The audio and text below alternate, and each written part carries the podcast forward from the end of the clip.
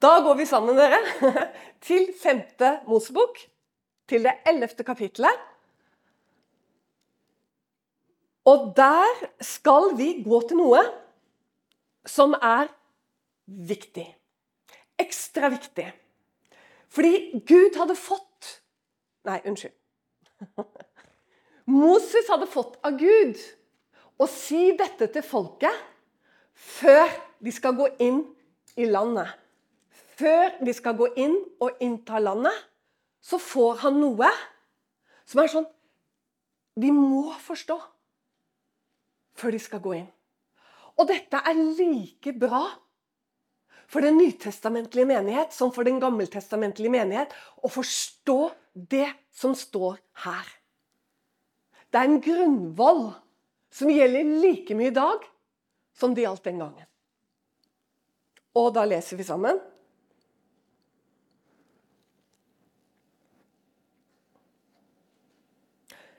Åttende verset. Ta da vare på alle de bud jeg gir dere i dag, for at dere kan bli sterke og komme inn og eie det land dere nå drar over til og skal ta i eie. Og for at dere kan få leve lenge i det landet. Herren tilsvor deres fedre ville gi dem og deres ett, et land som flyter med melk og honning. For det land du kommer inn i og skal ta i eie, er ikke som Egyptens land, som dere dro ut ifra. Hvor du sådde din sæd og vannet jorden med din fot som en kålhave. Men det landet dere drar over til og skal ta i eie, er et land med fjell og daler, som drikker vann av himmelens regn. Et land som Herren din Gud bærer omsorg for. Alltid hviler Herren din Guds øyne på det, fra årets begynnelse til dets ende. Dersom dere nå er lydige mot mine bud, mitt ord legger jeg til, sånn at ikke vi hekter oss opp liksom og tenker Moseloven. Dersom dere nå er lydige mot mitt ord, som jeg gir dere i dag, så dere elsker Herren deres Gud og tjener ham av alt deres hjerte og alt deres sjel, da vil jeg gi deres land regn i rette tid, høstregn og vårregn, og du skal samle ditt hus ditt korn og din most og din olje. For et fantastisk råd! Og det kommer på mange forskjellige måter. Og, og Moses sier det ikke bare én gang, han sier det mange ganger. Han, han, blir litt sånn dramatisk en gang hvor han står foran Ebal ikke sant? og Gerasim. Og han lyser forbannelsen, og det lyses, uh, lyses velsignelsen. Og så er Det liksom sånn, det er jo faktisk ikke Moses som gjør det, det må være Josva. fordi han er aldri inne i det området. Men det er han som sier det. Velg livet. Og hva er å velge livet? Det er å velge Guds ord. Det er å velge lydigheten til ham. Og det er dette vi skal gå litt inn i. Her kommer det et fantastisk bilde. For han sier det landet som dere skal inn i det har noen lovmessigheter som funker på en helt annen måte enn Egypt. Følg med, dette er viktig. For det landet dere kommer inn i, det drikker av himmelens regn. Og det regnet, det kommer så sant dere lyder mitt ord. For det er et land som Herren, din Gud, har omsorg for. Alltid hviler hans øyne på det. Han er så nå snakker jeg godt norsk, han er så nidkjær for det.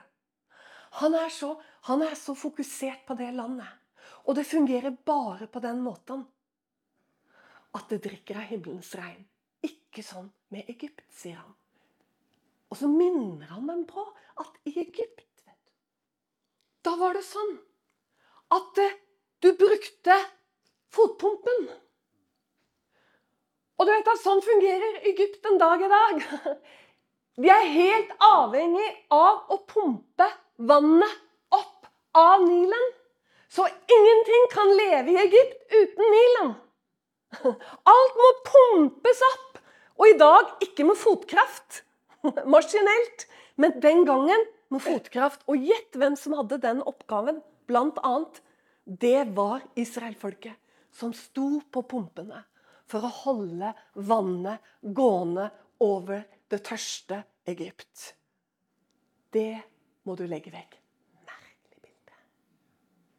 Han sier rett og slett at landet kommer til å slå seg vrang.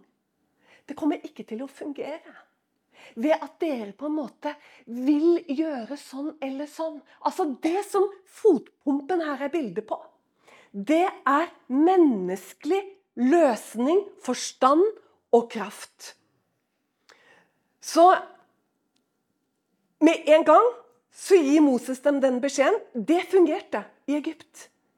Men det som fungerer i Israel, det er at dere lyder mitt ord. At dere er lydige. Altså lydighet i Bibelen. Det har en helt annen klang enn sånn som det lyder i, eh, i dine ører.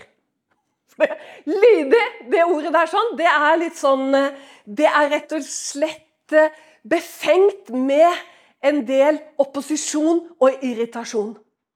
Det er et ord som mm, har med seg en bismak.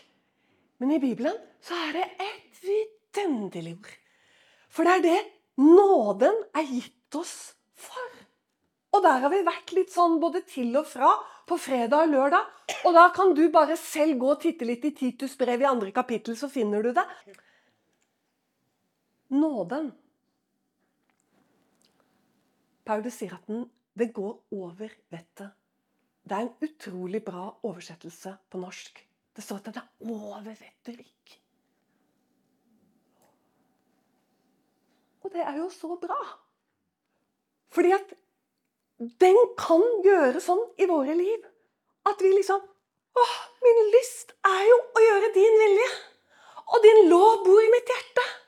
Og mer og mer, ettersom vi vandrer med Han, så får vi mer og mer denne tørsten at vi vil leve nærmere Han. Og vi vil inn i mer lydighet. Og Gud, før meg inn! Herre, hjelp meg! Og det er akkurat dette Han vil. Og det er det han kan. Men så er det liksom Det er en pris hele veien. Og det er derfor det at Moses advarer om. Fordi han vet at de kommer til å bli fristet mange ganger på å gå på kompromiss. Nå sier han da slår det landet seg fram. La meg prøve å liksom gjøre dette til godt norsk. Fordi faktisk mens jeg lå og hvilte i dag så plutselig så bare kommer det sånn Ja. Og jeg har tenkt tanken før, men nå kom det bare så utrolig klart.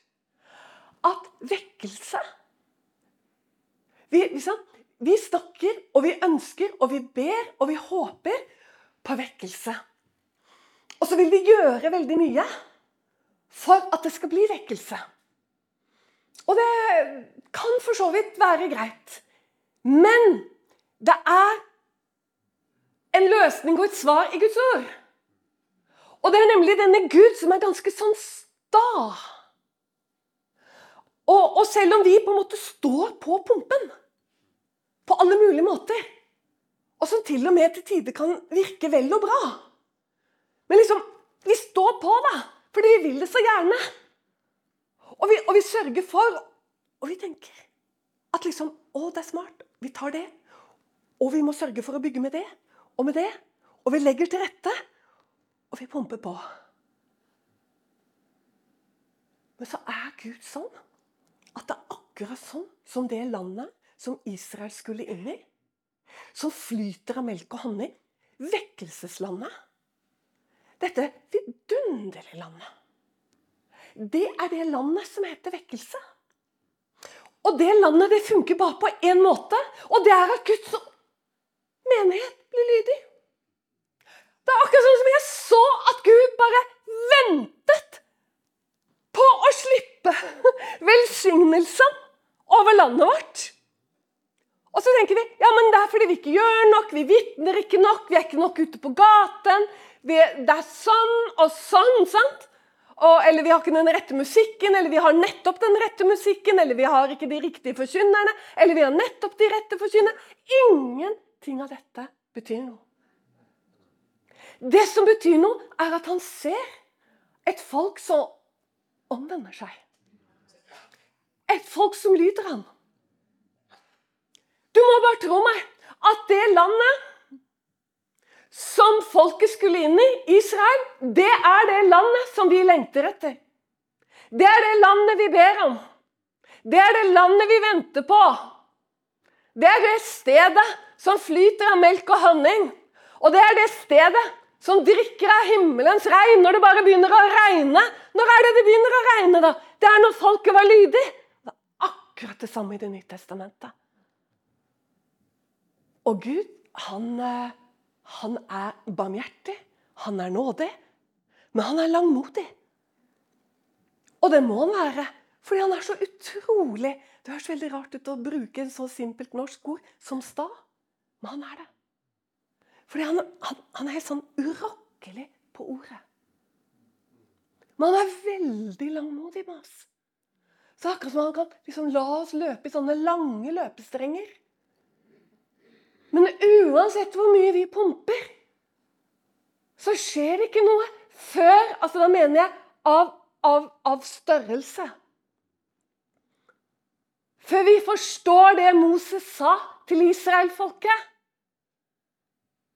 Det, det, det regnet som vi venter på, det vannet som vi venter på, som skal, som skal på en måte bløte jorden i Norge, den kommer når Guds menighet tar Hans ord alvorlig og omvender seg og kommer inn i lydighet.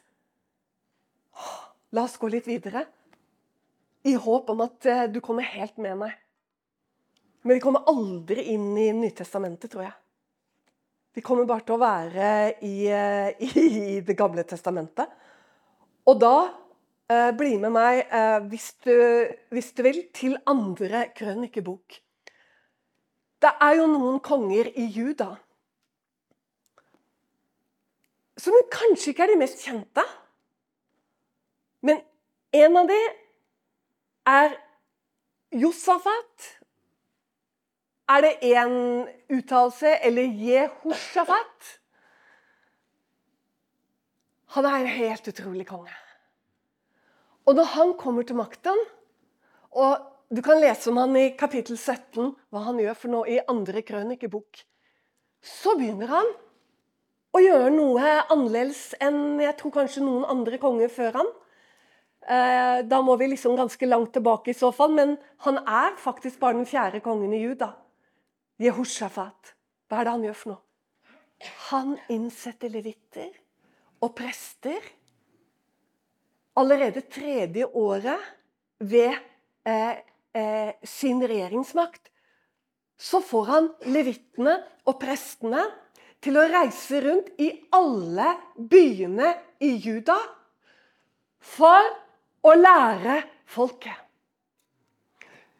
Så da reiser de ut med lovboken til hver landsby, til hver by hele Juda, for å lære de opp i Guds ord. Og utrolige frukter som det blir av dette. Det blir sånne frukter rundt i landet. Og en bonus for Josafat er at hans ære, berømmelse og rikdom vokser noe helt vanvittig. Og også fiendene begynner å holde fred med han. Slik at til og med filisterne begynner å komme med gaver til han. Og nå begynner han å bli ganske stor. Og det er alltid litt skummelt å bli ganske stor. Vet du, du du, må heller være redd for å bli stor enn å være liten. Fordi hvis du ser i Bibelen, så er det så mye som er rart som skjer med de som blir store. Se på kong Salomo. Altså hele Israel ble revet i stykker på, på grunn av han. Så det ble plutselig et Judarike og et Israelrike.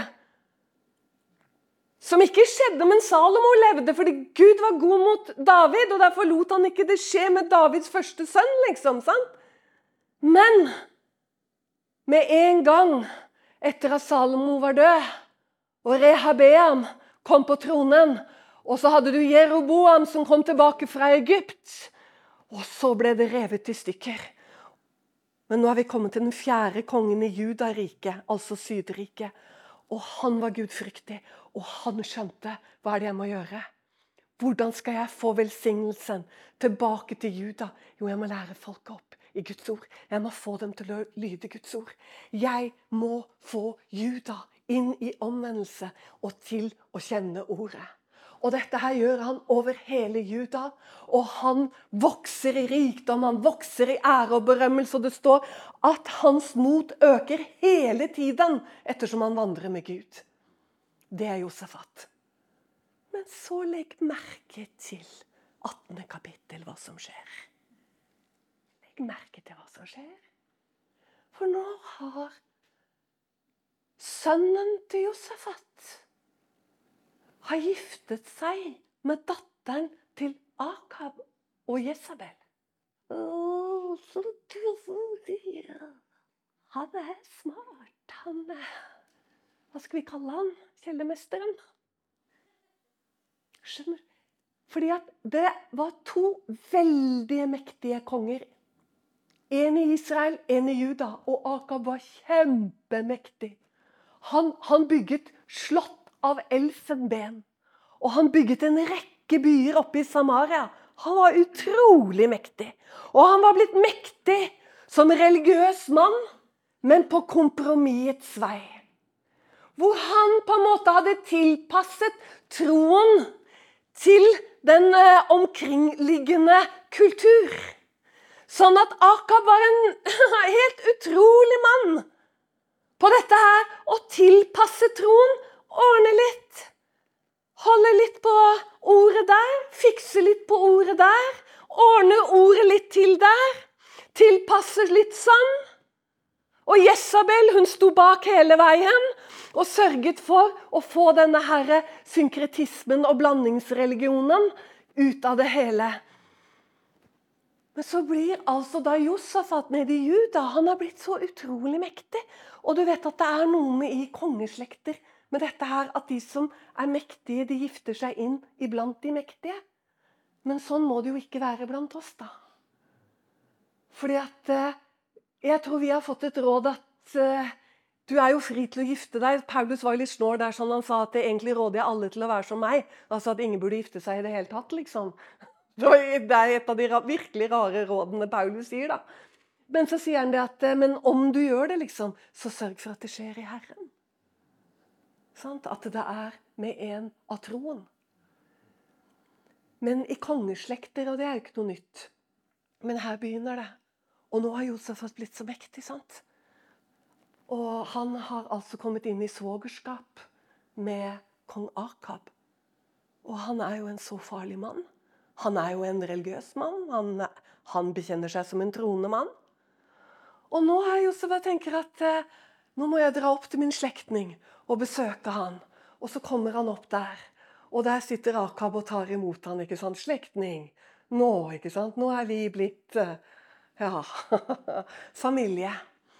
Og Josef han er nok litt bekymra, for han har hørt rykter om Akab. da. Men samtidig så ser du dette her med rikdommen og makten. Og så sier Akab ganske kjapt 'La oss gå i krig'. Josefat. Og så taler han Guds ord. vet du. Så sier han til Josefat Josefat, du vet jo det at Gilgal tilhører oss. Og det er jo et land vi skal innta. Sant, Josafat? Vi skal innta landet. For det har jo Gud satt oss til. Vi eier landet. Vi må innta landet. Og Josef blir jo helt blendet. ikke sant? Det er jo sant. Vi skal jo innta landet. Så sier han, men uh, Akab, har du noen profeter vi kan spørre? Og Akab, ja, ja, ja. Jeg har, uh, jeg har 400 profeter. Og hør her, dette er ikke Bals profeter. Dette er frafallende må vi kanskje si, Men jeg tror ikke de ble sett på som frafallende. Forstår du? De ble sett på som ganske ekte, sunne, gode profeter. Og det var 400 av dem. Og så sier Akab til Josef at at uh, Josefat uh, Alle profetene er enig. Vi skal innta landet. Profetene. De er helt enige om dette. Og så blir Josafat fortsatt, for han er en gudfryktig mann. Selv om han nå begynner å Han er, sant? Han er liksom dratt her. Så sier han Har du noen andre? Sånn liksom. Og jeg, jeg, jeg, skjønner, jeg skjønner Josafat så godt. For hvis 400 er helt enige, da tror jeg også jeg hadde sagt ha, Har du noen andre her? Vi kunne spørre. Så sier han ja, jeg har eh, Mika. Altså én. Én mot 400. Jeg har Mika. Men jeg liker han ikke. For han profeterer alltid så dårlig. Om meg. Du, visste du at Daniel i Det gamle testamentet ikke blir regnet som en profet? I jødedommen? Visste du det? Og hvis du ikke visste det, så kan jeg si deg at det gjør han ikke. Og vet du hvorfor? En av hovedgrunnene til han ikke regnes som en profet, det er fordi han ikke talte omvendelse til folket. Legg merke til at alle profetene i Det gamle testamentet de formante til omvendelse.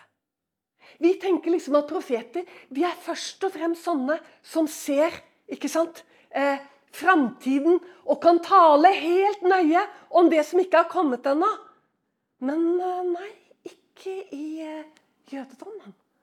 Og Da tenker jeg at da, da blir det litt viktig for oss å se til røttene våre og kanskje respektere de litt. Ikke nødvendigvis på Daniel, men, men se Oi, det var interessant. Og Jeremia han sier jo det at Har en profet noen gang, sier han, gjort noe annet enn å advare? Om omvendelse og advare om konsekvenser? Profeten Jeremia. Og da tenkte jeg Hvor har vi dette fra, liksom? At profeter er noen sånne herre eh, Hva skal jeg si lykkeprofeter? Som profeterer i menigheten. Masse herlige ting. Ja. La oss gå videre med Mika. For her er det altså 400 stykker, og de sier 'kom igjen'. Kom igjen, Akab! Innta landet! Det er ditt! Bare gå på! Og så kommer da Mika. Og Mika han har fått beskjed av sendebudet til Akab at det er 400 stykker som er enige der oppe, så du må bare profetere som dem. Hæ? Så Mika han bare kommer opp der, så sa han ja, bare drar, du, det, Gud er med deg. Og da sier Akab, har jeg ikke sagt til deg at du skal si sannhet? Og så sier han sannhet. Og så taler han hva som kommer til å skje hvis dere gjør det. Hvis du gjør det, Akab, så kommer det til å bli din dødsdag. Og hele Israel kommer til å spres som en jord uten hyrde over alle Israels fjell. Hvis du gjør det. Akab blir rasende og setter han i fangenskap. Men det jeg vil at du skal se, det er alle disse profetene som er så enige. Og en av dem han heter Sidkia. Og han er en sånn skikkelig Herrens profet. Og han er så nidkjær at han setter horn av jern på hodet sitt. Og så begynner han å stange med de hornene foran eh, Josafat og foran Akab. Så står han der og stanger for å vise og demonstrere hvilken seier det skal bli. Og da tenkte jeg på det utrolige overmotet som ikke bare de gammeltestamentlige profetene hadde, men også som kan kjennetegne det som Det nye testamentet, og spesielt Peter, sier. At på samme måte som det kom falske profeter iblant folket i gammel tid, skal de komme igjen i endens tid. Og da ble det sånn Oi. Fordi jeg, jeg vet ikke hvor mange ganger jeg har vært vitne til at folk har stått og profetert over mennesker. De mest utrolige ting. Og så har jeg fått lov ved Guds nåde å være vitne til at absolutt alt ble vraket. Det var ikke én ting som ble oppfylt. Faktisk det motsatte av det som ble sagt. Og ikke til hvem som helst, men talt over pastorpar. Hvilken enorm nåde! Og hvilken enorm vekkelse i denne menigheten som skal skje ved deres tjeneste. Jeg sier at ikke det kan skje, og at det kan være Gud. Skjønner du? Men da skjer det. Hør her, da skjer det. Hvis det er Gud. Det skjer. Hvis det ikke skjer, så var det ikke Gud. Og noen må si det høyt. Fordi at det har vært så mye av det. Og mennesker som bare går fullstendig på en smell. Jeg sitter i sjelesorg med mennesker som har giftet seg. Bare det siste året to stykker som har giftet seg på profeti. Forstår du? Hun ene hun var så i respekt for den som profeterte. Hun hadde ikke engang de rette følelsene for denne mannen. Kjære kvinner og menn som er her. Det er mye av dette, og det er helt utrolig hvor rett Peter får. Når han sier at de kommer på samme måten som de var i gammel tid, kommer de igjen i endens tid. Og lurer inn falske spådommer. Unnskyld meg profetier. Og så står det at av dem så blir sannhetens vei spottet. Underlige profeter. I gammel tid og i ny tid. Men det som kjennetegner dem, det er fred, fred og ingen fare. De leger mitt folks sår på lettferdig vis. På samme måten så kommer det igjen. I Jesaja, i kapittel 66 I kapittel 66 så står det Så sier Herren, himmelen er min trone, og jorden mine føtters gammel. Hva hus kunne dere bygge meg? Og hvor skulle det finnes et hvilested for meg? Alt dette har jo min hånd gjort, og slipper alt dette til, sier Herren. Men den jeg vil se til, det er den elendige. Og den som har en sønderbrutt ånd, og hør nå, og er forferdet over mitt ord. Her har du igjen kontrasten. Så vi bygger, vi legger til rette, og noen ganger så bygger vi stort. Og vi vil så mye. Og, vi, og hvis vi bare gjør sånn, så kan det bli vekkelse, for det gjorde de i, USA på den og den måten. Og hvis vi bare frakter dit Å, hva med meg? Og så sier Gud Hva skal jeg med det, på et vis? Hør nå. For den jeg vil se til, er ikke den som har utvidet og bygget et svært lokale, eller lagt til rette og flott noen fantastiske eh, møbler og, og kafé og alt mulig flatt som han har lagd i stand for Guds folk. Hør her. Det er, det er nesten sånn at det kan bli vederstyggelig hvis ikke det er et lydig folk den jeg vil se til. Og det gjelder uansett hvor det er i Norge, hva som er adressen. Den Gud vil se til, det er den som er forferdet over Hans ord. Når Guds menighet blir forferdet over ordet og til og med begynner å gå tilbake For det ser at vi allerede har vi begynt å skli altfor langt. Men går tilbake. Ja, Men går det an, da? Esra gikk tilbake med hele folket. Han kommer til Jerusalem. Og han Nei, Gud, hva er det som har skjedd i menighetene? Hvordan kan det se sånn ut? Samboerskap. Gjengifte på gjengifte på gjengifte. Hva er dette her for noe? Og så snakker de om vekkelse. Den jeg vil se til, det er den som er forferdet over mine ord. Og da kan vi holde på å bygge, og vi kan holde på å legge til rette. Men det kan faktisk bli så gærent som det står her hos Jesaja. Den som slakter en okse Dette er jo offer, som egentlig skulle være en god ting i Israel.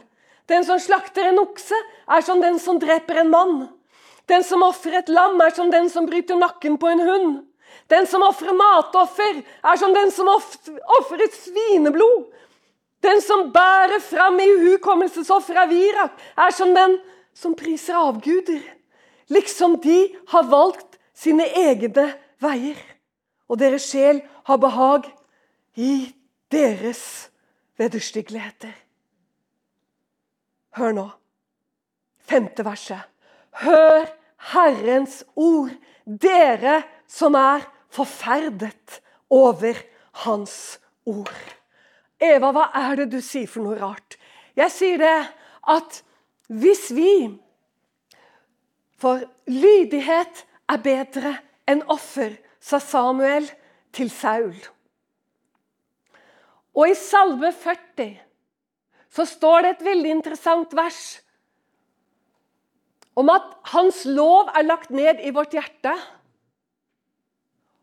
Og å gjøre Hans vilje er vår lyst.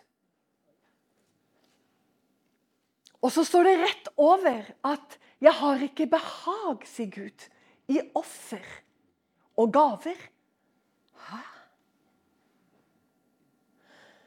Og det er heller ikke et gammeltestamentlig isolert sak som ikke vi kan forstå. For det er mye enklere for Guds menighet her på jord å ofre enn å være lydig. Altså, vi kan, vi kan faktisk vi kan bli helt glimrende på offer, tjeneste, gjøre ting for Gud. Stå på i menigheten. Være de første som melder seg. Og det betyr ikke at det ikke er bra. Men nå må du følge med. Det kan bli så ille for Gud at det nesten er som å brekke nakken på en hund hvis det er ulydighet. Forstår du? Fordi vi kan få lyst til å ofre istedenfor å være lydig. Og ikke bare få lyst til. Det er nesten sånn at hvis du Hør nå. Lever i ulydighet i livet ditt, hva det måtte være, du, om du lever i pornografi og du har ikke tenkt å gi det opp fordi du syns det er så deilig å fortsette med det, og Gud er så nådig og han er så stor, og jeg kan heller gjøre det en annen gang. Kanskje ikke akkurat i dag. Eller du lever i samboerskap. Eller du lever på en måte som du vet at er overhodet ikke bra. Men du er allikevel i menigheten. Og nå hør nå, hvis du vet at egentlig så lever du i ytterkantene, så er det utrolig tilforlatelig å begynne å ofre en sånn, eh, en sånn tjener i menigheten som eh, man nesten ikke kan klare seg uten. Jeg har vært borti noen av de, til og med som levde i samboerskap. Men menigheten var så avhengig av dem at de klarte ikke å si noe om det. For de stilte frivillig. På baksten, på, på, på kaffen, på støvsugingen, på toalettvasken. Ja, De var bare helt fantastiske. De sto i døren og ønsket velkommen.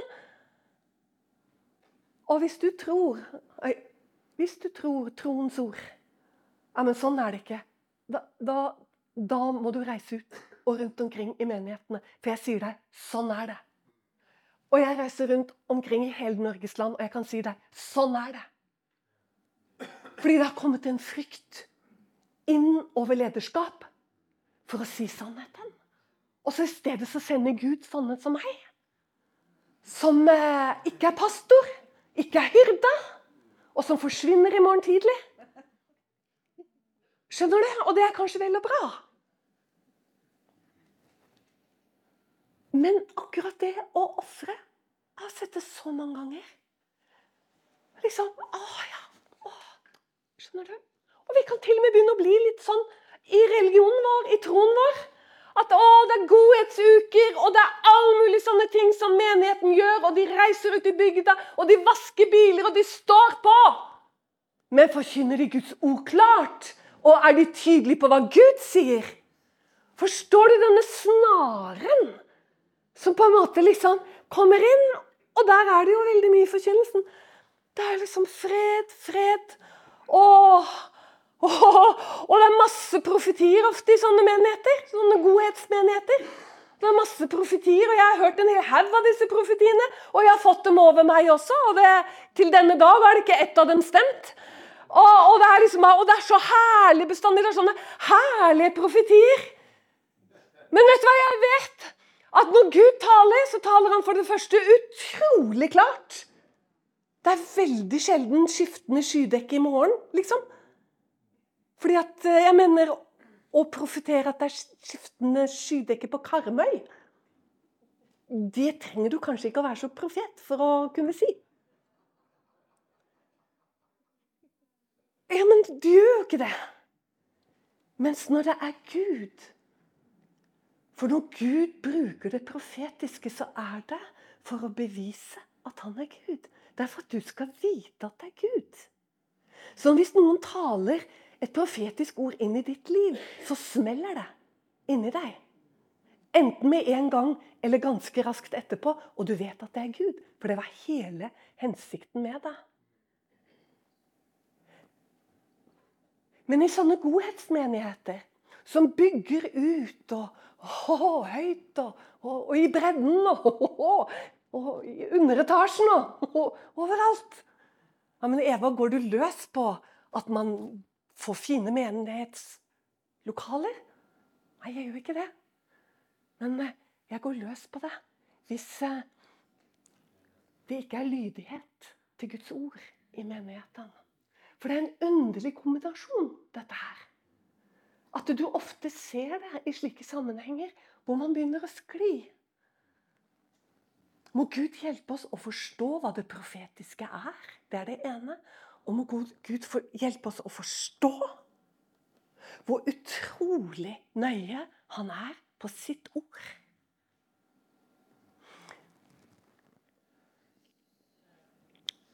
For et år siden så kommer det en dame på Ja, hva kan hun ha vært? 84-85 år? Til meg i ettermøte fordi hun hadde hørt at jeg sa noe. Og så ble hun kanskje litt frimodig. Og så sa hun at det jeg skal si til deg nå, det har jeg ikke sagt til noen på mange år. For jeg tør ikke å si det i Guds menighet. Så jeg ble veldig nysgjerrig hva dette kunne være. For det er sjelden at damer på 84-85 kommer med sånne ting. Og så sa hun at jo, du skjønner, sa hun. Og det er jo lenge siden nå. Det er over 40 år siden. Men du skjønner, jeg reiste fra mannen min, for han var ikke snill. Og han slo. Både meg og barna. Så bra, sa jeg, at du dro. Og så skilte jeg meg fra han, sa han. Ja, sa jeg. Jeg skjønner. Men så gikk det ikke så lang tid, og så fant jeg en annen i menigheten som hadde skilt seg fra en annen dame i menigheten. Og så ble vi så gode venner. Og så fridde han til meg etter en stund. Så tenkte jeg men dette, er jo, dette må jo være Gud, for han er så snill. Og så Så jeg sa ja, jeg. Men du vet hva, jeg hadde ikke vært gift mer enn to uker. Så ringer det på døren, og utenfor så står Hans Svartdal med en annen bror. Og så tenkte jeg, hva kommer de med? Og så sa han kommer Hans Svartdal bort til meg og sier meg en klem, og så gråter han, han. Så fortalte han at han hadde vært i bønn og faste for meg i tre døgn. Kjære søsteren min, det du har gjort, er galt. Og vet du, så sa hun Jeg hørte på Hans Svartdal, og nå husker jeg ikke navnet på den andre pastoren. Og jeg skilte meg fra Og det var så rart, sa hun at det var den mest gledelige dagen i mitt liv, fordi Gud stadfestet at det jeg gjorde, var rett. Og jeg ble så utrolig glad, sa hun. Og det var dette jeg fortalte i en menighet, sa hun. Og det ble så ille at jeg kunne ikke gå i den menigheten mer, for alle ble rasende på meg. Og så tenkte jeg, kjære menighet, hvor langt har vi kommet? Hvor langt bort er vi fra? Den tiden for 40-50 år siden hvor Hans Svartdal gikk i fast og bønn i tre døgn av nød. Forstår du? Fordi han ikke hadde fått mulighet til å snakke med henne på forhånd. Og så kommer han reisende over fjellet til denne damen. Og så ble det beste dagen i hennes liv. Og vet du hva? Jeg har ikke sett en kvinne på 84 som stråler sånn av kjærlighet til Jesus noen gang. Tenk om Guds menighet kunne komme hit! Ja, Men Eva, du vet ikke hva du rører ved nå. For dette kommer halve menigheten til å forsvinne her i Haugesund og på Haugaland og overalt. I raseri. Ja, men skjønner du, Tenk om Esra skulle tenke sånn da når han kom til Jerusalem. Vi må bare begynne, og så må vi bare stole på Gud, og at Gud hjelper den enkelte. Og han taler med den enkelte, men alle må omvende seg. Alle som går på tvers av Guds ord, må omvende seg, som vet at de har gjort det. Ja, det finnes unntak i ordet. Men alle som vet og går inni et felt hvor de kjenner at eh, Vet du hva? Det hun Eva sier her i kveld, jeg tror det er sant. Hvorfor tror du det er sant? Fordi det står i Bibelen. Forstår du? Hvordan skal vi? Når det står i Det nye testamentet at ekteskapsbrytere og menn som ligger med menn, skal ikke arve Guds rike. Hvordan skal du, mener du, som er gjengift, hvordan skal du ha autoritet overfor en mann som ligger med en mann? Han har Guds ord, han òg. Han kan lese samme bibel som deg. Men hvorfor lever du sånn, da, hvis ikke jeg kan leve med en mann? Vet du hva? Vi må bare begynne å ta fram Bibelen, og så må vi begynne å snakke sant. Vi må bare snakke sant. Å være sannheten, tro i kjærlighet. Ikke kom sånn hamrende og, og, sånn. 'Jeg gjør ikke det nå. Jeg kommer nedenfra.' Og jeg skulle ønske jeg var Hans Svartdal, for da hadde du garantert hørt på meg. Men jeg er bare Eva Olsvold Sundar. Skjønner du? Men det har ingen betydning for Gud. Han har ledet oss inn i det landet som drikker av himmelens regn. Og han står der og venter på at Guds folk tør. At de tør. At de slutter å snakke i gåter, men at de bare tør å si det som det er. Forstår du? Og så må du som er her i kveld, kanskje kjenner at 'oi, det stakk'. Men Guds ord skal stikke, hvis ikke du visste det.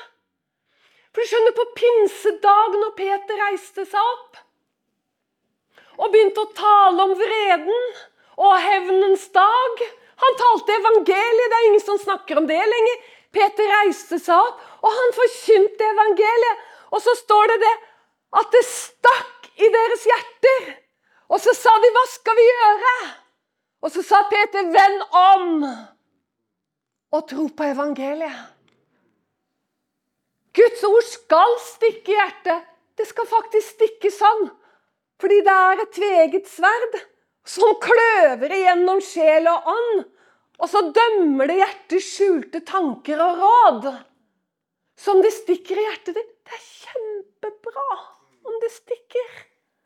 Istedenfor å bli sinna på meg, så, så kjenn etter da at det stikker. Og så går du hjem og så snakker du med Jesus om det. At det stakk i hjertet mitt i kveld. Kanskje lever du som samboer, kanskje lever du som gjengift for andre og tredje gang. Ja, så gå tilbake. Gå tilbake. Og tal med Gud. Det er han, skjønner du. Det er ikke meg, men det er han og hans ord. Si til ham. Her er det rett, dette her, som jeg hører. Og det som står der Er det sånn som det står? Er det alltid sånn det står? La Gud få rett over livet ditt. La Gud få rett over livet ditt. Jeg la ut Og det var så kamp å gjøre det. Og du kan finne den på YouTube. Og der ligger det et vitnesbyrd av meg. Av hvordan Gud viste meg et mørke. Og jeg hørte gråt og rop ut av det mørket hør nå, som du ikke kan høre på denne jord. Og det er sikkert derfor at jeg står og snakker sånn som jeg gjør. For jeg vil ikke at noen, noen skal bli igjen når han kommer. For du skjønner, han kommer for å hente en renset brud. Det er ikke Jesus som skal skifte adresse først. Det er også en sånn merkelig lære at vi har bare begynt å synge om at han kommer på Oljeberget. Nei, du skjønner, det er ikke han som skal skifte adresse først. Det er vi som skal skifte adresse først. Og vi vet ikke når det skjer. Og jeg sier både til de som er på den sida og den sida Vær forsiktig, du vet ikke når. For Jesus sa vi vet ikke timen og dagen. Han kunne jo sagt vi vet ikke året. Eller vi vet ikke sesongen. Eller vi vet ikke århundret. Han sa vi vet ikke dagen og timen. Forstår du? Så du må være rede. For du kan ikke havne i det mørket. Du kan ikke havne der. Hør, det er en tid ble sunget en fantastisk sang i går i Etne. At det er en tid for å vende om, og det er en tid for å bøye knær. Det er en tid for å bli ærlige. Og det er som å stå og bære stein her nå. Vet du hva? Det er som et arbeidsstykke, det jeg gjør nå. Det, noe sånt, det er ikke noe lett å tale dette. Det var lett å tale i formiddag. Det er ikke noe lett å gjøre det jeg gjør nå. Det er som at jeg står og flytter stein. Forstår du? Men vi må begynne å flytte stein. For vi må ned. Vi må inn til beinet. Vi må inn der. Og så må han få lov å få sin vei og sin vilje. Og han kommer til å få det. Men i mange sammenhenger dere, så kommer vi til å føle at vi bærer stein. Fordi at alle sitter helt sånn. Da blir den rammet av den og meg. Men du skjønner det. Det nytter ikke å peke finger her. For den sitter i det, og du sitter fast i det. Vi må inn til benet. Vi må tilbake til ordet. Det er ingen annen vei. Og det var som når jeg lå på sofaen. Ah, jeg måtte jo ha det! Jeg måtte ha det sånn, ellers hadde jeg aldri talt dette her. Men han viste meg at det landet som Moses fortalte om til folket, og hvordan det fungerer Gud sa det når jeg lå på sofaen i dag. Det fungerer akkurat på samme måten. For Guds menighet i dag. Det er lydighetens vei. Så når den omvendelsen kommer, slutt å prate om vekkelse. Ja, ja, det kan bli vekkelse litt her og litt der. Men slutt å vente på den derre at liksom Norge vedder seg til Gud. Sant? Vi bruker veldig store ord. Norge skal bli frelst og sånn. Det kan skje. Men hør her. Det kommer til å skje på den måten. For det er en lovmessighet. Det landet vi har kommet inn i, det fungerer på samme måten som det landet Moses beskriver, som drikker av himmelens regn. Og det er det vi vil. Det skjer når vi er lydige. Så Gud står bare og venter på at folket kommer inn i omvendelse, og at lederne tør. For jo ikke, det er jo utrolig lite effektivt at noen få sant, eh, eh, skikkelser skal reise rundt og, og, og, slite seg ut med å tale dette her. Han kommer ikke til å rykkes før det skjer. Jeg vet det. Jeg vet hva jeg snakker om nå. Og det er godt. Han kommer ikke til å rykke seg i den skalaen vi ønsker, før Guds menighet i Norge omvender seg. Ja, nå er det noen nidkjære sjeler her, ikke sant? Men, eh, men dra med deg de andre òg. Ikke sant? Få, nå skal vi ha sant? Noen er liksom Å ja! Sant? Og det er flott. Men vi skal ha med jeg vil ikke bare at noen skal si amen. Jeg vil at du skal si amen. Jeg vil at hver og en her sier amen. Fordi jeg vet at jeg taler Guds ord. Ellers hadde jeg aldri gjort det. Men den enkelte, hvis noen kjenner seg rammet, så skal du gå til Gud. Og så skal du tale med Han. For det finnes ingen fordømmelse i Kristus Jesus. Det finnes bare et blod som er utøst. Og det blodet er tilgjengelig i dag. Og ingen som kommer til han, skal han støte bort. Absolutt ingen. Så det finnes ingen fordømmelse i dette rommet her i kveld. Og hvis du sitter og fordømmer noen du kjenner, så kan du bare legge deg flat. For Gud kan ha noe på din nakke som du ikke engang ser. For kanskje ser du splinten i din brors øye, men bjelken i ditt eget øye, den blir du ikke var. Jeg har nok med min bjelke, for å si det sånn. Men jeg vet at det jeg sier her nå, det er helt sant. For det som er livsfarlig hvis ingen gjør det, så kommer vi inn i noe som raver til slutt. Og da er vi over i noe som kan til enden begynne å ligne på Baals profeter. Man blir rett og slett full på noe annet som ikke er Den hellige ånd. For Den hellige ånd, han kan bare være blant de hellige. Hører du hva jeg sier? Den hellige ånd, han kommer til de hellige. Og så gjør han noe mer. Han drar i det han kaller. Og overbevise om synd, rettferdighet og dom. Så når vi begynner å tale i menigheten, og vi får en renselse i menigheten, da kan alt skje. For da kommer regnet. Det kommer. Når mennesker begynner å reise seg opp og vitne i menigheten, tårene renner, forteller om hva de har omvendt seg fra i livet sitt skal, vet Du hva? Du behøver ikke du behøver ikke én omdreining på den fotpumpen. For det begynner å regne i fosse ned. For han bor i det høye og hellige, og så bor han i den som har et sønderknust hjerte. For å lege de sønderknuste hjerter og gjøre de levende igjen. Stå med oss økonomisk og i bønn. Du finner oss på utentvil.com.